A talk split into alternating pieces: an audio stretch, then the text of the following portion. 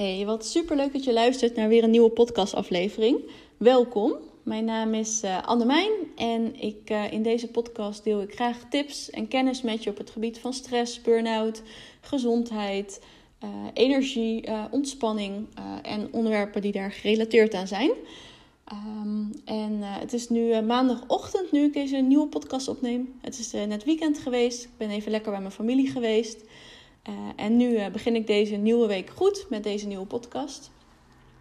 Vandaag wil ik het met je hebben over een uh, heel belangrijk thema, namelijk je energielevel. En dan voornamelijk hoe kun je ervoor zorgen dat je meer energie krijgt. Misschien herken je het wel dat je na een dag werken vooral uitgeput op de bank hangt en nergens energie meer voor hebt. Dat je constant vermoeid bent, weinig energie hebt om nog leuke dingen te doen. Of dat je zelfs ochtends al vermoeid opstaat. Allereerst is het natuurlijk super vervelend als je merkt dat je hier last van hebt. Het liefst wil je natuurlijk gewoon eh, fit, energiek voelen en voldoende energie hebben om dat te doen waar je zin in hebt en wat je gelukkig maakt. En het is vervelend als je dan constant merkt dat je vermoeid en uitgeput bent. Nu is het natuurlijk zo dat iedereen zijn of haar eigen energielevel heeft. De ene persoon kan gewoon meer aan dan de ander en heeft een hoger energielevel. Uh, deels is het een kwestie van accepteren, maar daarnaast denk ik ook dat je zelf een uh, grote invloed hebt. Uh, uiteraard kun je dan denken aan algemene adviezen zoals ga meer sporten, gezonder eten, voldoende slapen. Maar dit zijn over het algemeen adviezen die de meeste mensen wel kennen. Vandaag wil ik het daar dus juist niet over hebben. Um, er is namelijk nog iets wat ook een heel belangrijke invloed kan hebben, maar minder bekend is. Uh, en dat is uh, de energiebalans, of de, hè, de energiebalans die we als mens hebben. Uh, en wat ik daar precies mee bedoel, is de balans in jouw energiesysteem tussen wat je energie kost, dus ook wel je energienemers genoemd, en dat wat je energie oplevert, je energiegevers. eigenlijk is het heel erg simpel. Ieder heeft zijn of haar eigen batterijtje met een bepaalde hoeveelheid energie erin. deze hoeveelheid energie kan per persoon verschillen. En hoe meer dingen jij doet die je energie geven, hoe meer jouw batterijtje oplaadt. En tegelijkertijd, hoe meer dingen je, je doet die energie kosten, hoe meer ervoor zorgt dat je batterijtje leegloopt. Nou, dit is wat je vaak ook ziet bij uh, vermoeidheid, maar zeker ook bij bijvoorbeeld een uh, burn-out. Dat uh, iemand te lange tijd te veel dingen heeft gedaan die energie kosten, relatief ten opzichte van dingen die energie geven. Dus iemands batterij is leeggelopen omdat er een disbalans is tussen dingen doen die je energie kosten versus dingen die je energie geven.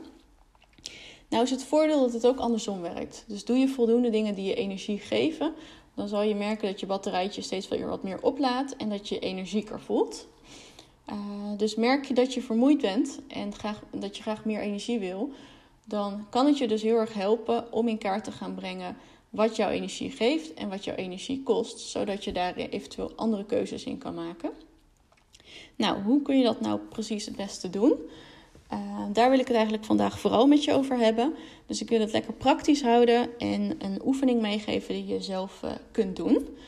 Uh, en de eerste stap hierin is om in kaart te gaan brengen wat het is wat je energie geeft. Dus wat je energiegevers zijn en wat je energie kost. Dus wat je energienemers zijn.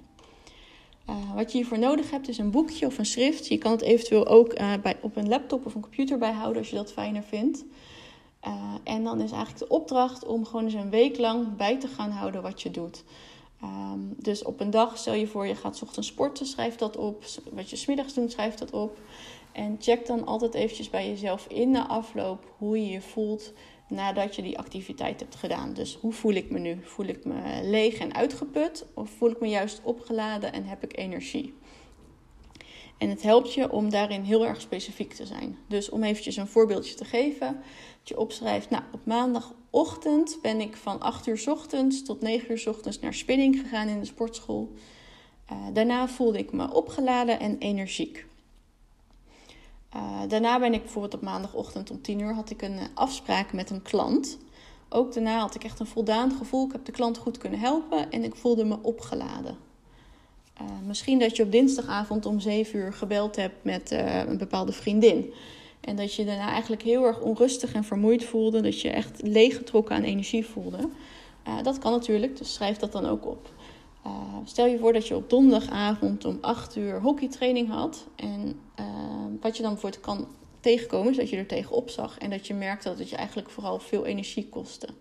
Nou, dat is ook iets wat je dan zou kunnen opschrijven. En door dit een uh, tijdje zo goed mogelijk bij te houden, zal je merken dat je op een gegeven moment verbanden gaat zien of dingen gaat herkennen, uh, dingen die je opvallen. Uh, dus probeer het dus een tijdje en kijk wat het voor je doet. Eventueel zou je het nog kunnen aanvullen met een aantal vragen die jou meer inzicht kunnen geven.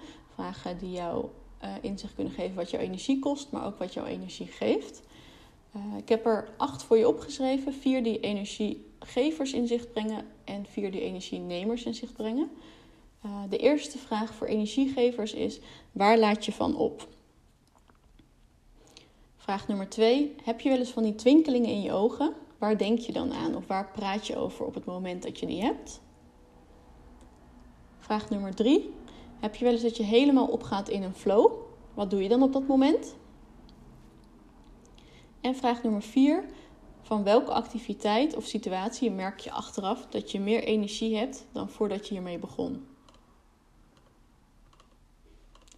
Nou, en de eerste vraag van de energienemers is: wat kost jou veel energie?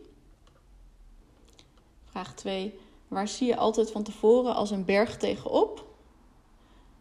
Vraag 3: voel je wel eens helemaal leeggezogen? Wat heb je dan daarvoor gedaan? Vraag nummer 4: van welke activiteit of situatie merk je achteraf dat je minder energie hebt dan voordat je hiermee begon?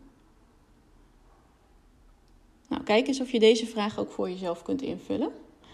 Um, waarom helpt het nou zo om dit in te vullen, om zo'n overzichtje voor jezelf te maken? Uh, zodra je inzicht hebt, kun je ook eventueel dingen anders gaan indelen. Dus door meer dingen te gaan doen die je energie geven en dingen te laten die je energie kosten, zal je dus merken dat op een gegeven moment je batterijtje weer gaat opladen. Um, als ik dan even naar mijn eigen situatie kijk, tijdens mijn uh, burn-out leerde ik bijvoorbeeld. Uh, dat hoewel ik enorm geniet van onder de mensen zijn, dat ik eigenlijk vooral heel erg oplaat als ik in mijn eentje ben. En dus grotendeels ook introvert ben. Um, en voor mijn burn-out leidde ik echt een enorm extravert leven. Ik was bijna elke avond van huis om uh, samen met mensen te eten of uh, drankjes te doen in de stad. Stond vaak in de kroeg. deed aan teamsporten en deed sowieso veel dingen in groepsverband. En toen ik leerde dat ik dus eigenlijk een introvert batterijtje heb, ben ik dingen gaan aanpassen. Nu ben ik bijvoorbeeld veel avonden thuis, spreek ik veel meer één op één af of in kleine groepjes. En uh, ben ik geswitcht naar meer individuele sporten. Dus denk aan wielrennen of naar de sportschool gaan, yogalesje. Uh, nog steeds ga ik wel eens samen sporten, maar dat doe ik dan bijvoorbeeld met één vriendin in plaats van met een heel team. En ik heb dus gemerkt door meer dingen te gaan doen die mij energie geven en minder dingen te gaan doen die me energie kosten, dat mijn energielevel enorm verbeterd is. Dus kijk voor jezelf eens als je het een uh, tijdje hebt bijgehouden of je bepaalde verbanden kunt zien of dingen kunt zien die steeds terugkomen. Valt het je bijvoorbeeld op dat elke keer als je weer een hockeytraining hebt, dat je hier tegenop ziet omdat het in groepsverband is en dat je de hele dag al met mensen in de weer bent geweest.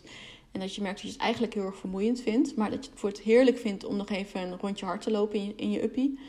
Uh, wellicht kun je dan kijken of je bijvoorbeeld meer op het hardlopen kunt focussen. Of zie je altijd als een berg op tegen de badkamer schoonmaken, maar vind je het niet erg om te stofzuigen? Misschien kun je dan een deal maken met je partner of met je huisgenoot dat jij eh, gaat stofzuigen en hij of zij de badkamer doet. Dus kijk eens voor jezelf of je uh, bepaalde dingen kunt aanpassen, zodat je er meer dingen kunt gaan doen die je energie geven. Uh, en dat je eventueel kunt kijken of je bepaalde dingen weg kunt laten of kunt verminderen of kunt uitbesteden die jouw energie kosten. Natuurlijk zullen er altijd dingen zijn die je minder leuk vindt, die je energie kosten en er nu eenmaal bij horen. Dus er zullen, het zal absoluut zo zijn dat je niet alles kunt veranderen. Uh, maar kijk eens wat je wel kunt veranderen en waar je wel invloed op hebt. En heel vaak zijn dat echt meer dingen dan je van tevoren had verwacht. Uh, dus probeer dat eens uit en zie of het voor je werkt. Uh, en laat me gerust weten hoe het voor je heeft uitgepakt en wat je ervan geleerd hebt. Vind ik alleen maar heel erg leuk. Uh, dat brengt mij nu ook aan het einde van deze podcast. Ik hoop dat je er wat aan gehad hebt.